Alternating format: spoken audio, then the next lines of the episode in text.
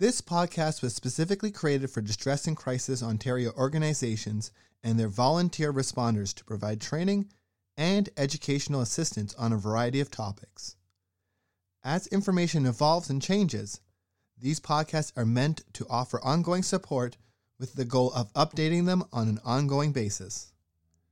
We thank the volunteer responders and the contributors to this podcast. Please visit our website, dcontario.org, for more information and how to access free mental health services. Thank you.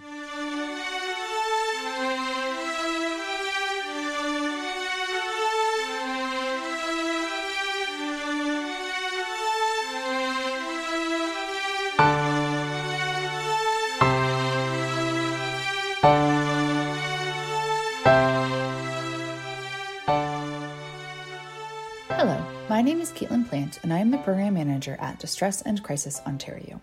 Thank you for listening to our podcast. With shorter days, colder weather, and shifts in routine, we're entering the time of year where seasonal affective disorder, or SAD, becomes a concern for many people. In today's episode, I will be sharing information gathered from three articles on what SAD is, some myths that exist around the disorder, and some potential treatment options for managing SAD. The three articles are How to Transition from a Summer to Fall Mindset from Aaptiv.com, Psychology Works Fact Sheet, Seasonal Affective Disorder or Depression with Seasonal Pattern from the Canadian Psychology Association, and Three Seasonal Depression Myths from Psychology Today Canada. So, what is seasonal affective disorder? SAD, or depression with seasonal pattern, is most often recognized as a condition that comes and goes based on seasonal changes, appearing in the fall and going away in the spring slash summer. This diagnosis should only be considered when the feeling is beyond the quote winter blues end quote due to the lack of engagement in typical hobbies and or outdoor activities due to weather.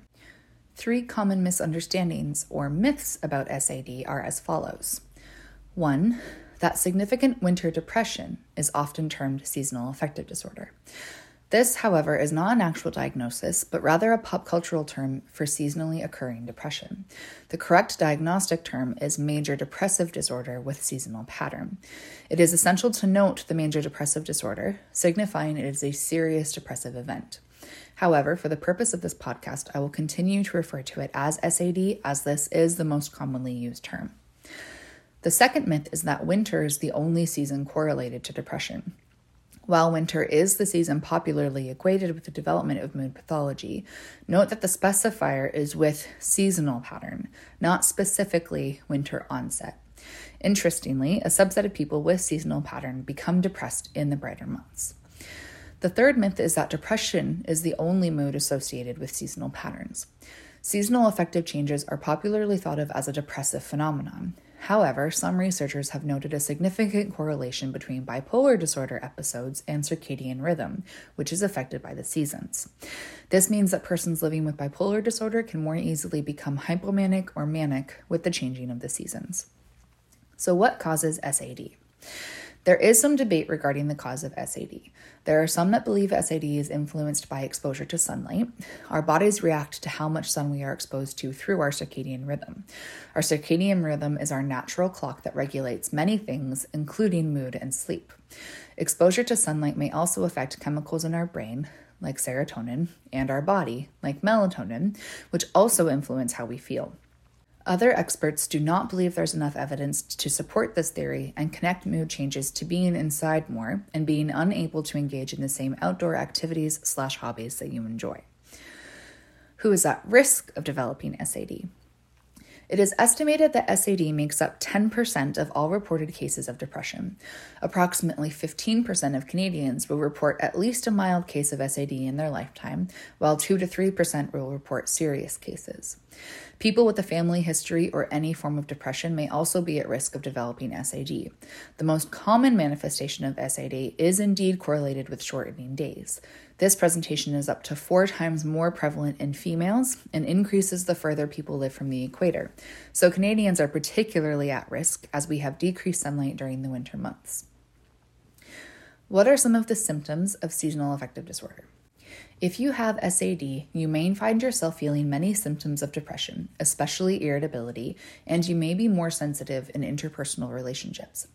People often report that their energy levels are unusually low, causing them to feel tired, heavy, or lethargic. As a result, you may feel that your regular sleep schedule doesn't provide adequate rest. Oversleeping is also commonly reported in SAD. You may find that your appetite has changed and you may crave foods that are higher in carbohydrates, starch, and fat. Some people report weight gain, especially when you are frequently eating comfort foods. You may lose interest in activities that you once enjoyed, which then causes you to develop a more avoidant or sedentary lifestyle. Physical intimacy may appear uninteresting or too demanding. You are also likely to feel stressed, distracted, sad, guilty, and or hopeless. So are there treatments for seasonal affective disorder? Some studies have identified light therapy as an effective method for improving symptoms. In this therapy, the user sits in front of a special light box or lamp for approximately 30 minutes a day. Light therapy can be administered in a doctor's office or at home with your own equipment on a schedule recommended by a clinician. You should consult with your doctor before beginning light therapy.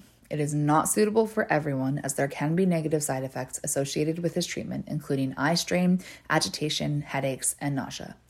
Light boxes should only be purchased after a discussion with your treating professional, as not all light boxes are effective, and you may want to review with your treating professional the research regarding the use of light boxes.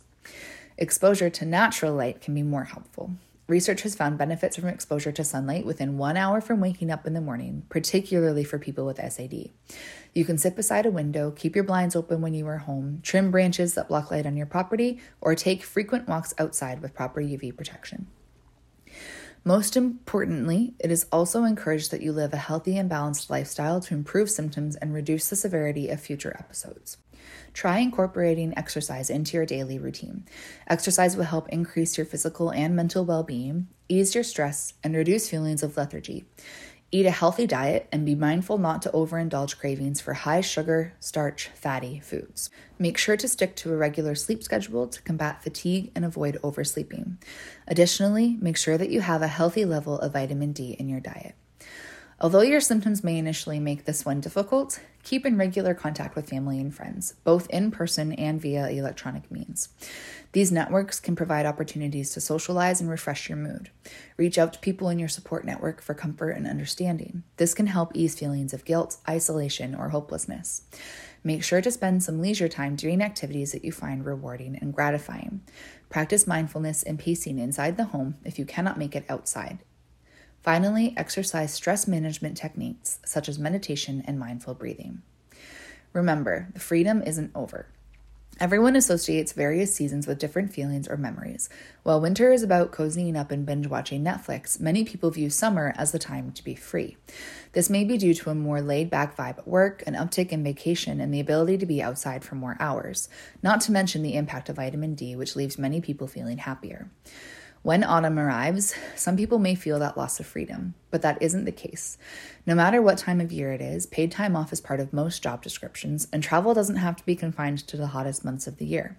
Perhaps one way to restructure your thinking is to determine if year long summer Fridays is a possibility with your company, or at least the flexibility to work remotely. With more professionals opting for this lifestyle, it could make the pain of the end of summer feel less intense. Find something to look forward to. If you're a parent, you know one of the most effective motivation tools is bribing. By giving yourself something to look forward to, you can maintain your focus with rewards.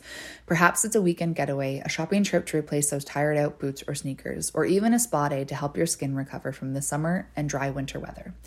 With exciting or comforting adventures on the horizon, you'll be more likely to feel less anxious about summer ending and instead anticipatory of all the fun that is yet to come. Embrace the downtime. If you're usually Team FOMO or fear of missing out, it's time to give yourself a break. After the revolving door of cocktail parties, weddings, and vacays end as summer ends, you may feel exhausted and in need of alone time to relax, recharge, and reconnect to your inner self. By embracing the downtime of no plans, no problem, you avoid burning yourself out. This will ensure that fall becomes a positive reminder in your mind of a period when you can actually savor the quiet and calm. It's also important to find increased structure at this time of year when even non depressed people tend to hibernate. This could be engaging in volunteer work, making it more of a point to engage in hobbies, or arranging regular social outings. Some people may find it helpful, for example, to schedule a coffee date with a family member or friend after work each day, or lunch every Sunday at a different restaurant with someone that you love. Alternatively, your physician may decide that medication, such as an antidepressant, is an effective treatment for you. Pharmacotherapy likely will be recommended for symptoms that are severe and have a significant impact on daily functioning. There are side effects with medications which should be discussed with your prescribing professional. Some people choose to discontinue their antidepressants after the seasonal depression ends. If so, arranging a visit with your psychiatrist or your doctor at least a month before the normal onset of depression symptoms is essential. This will allow the medication time to take effect ahead of the curve.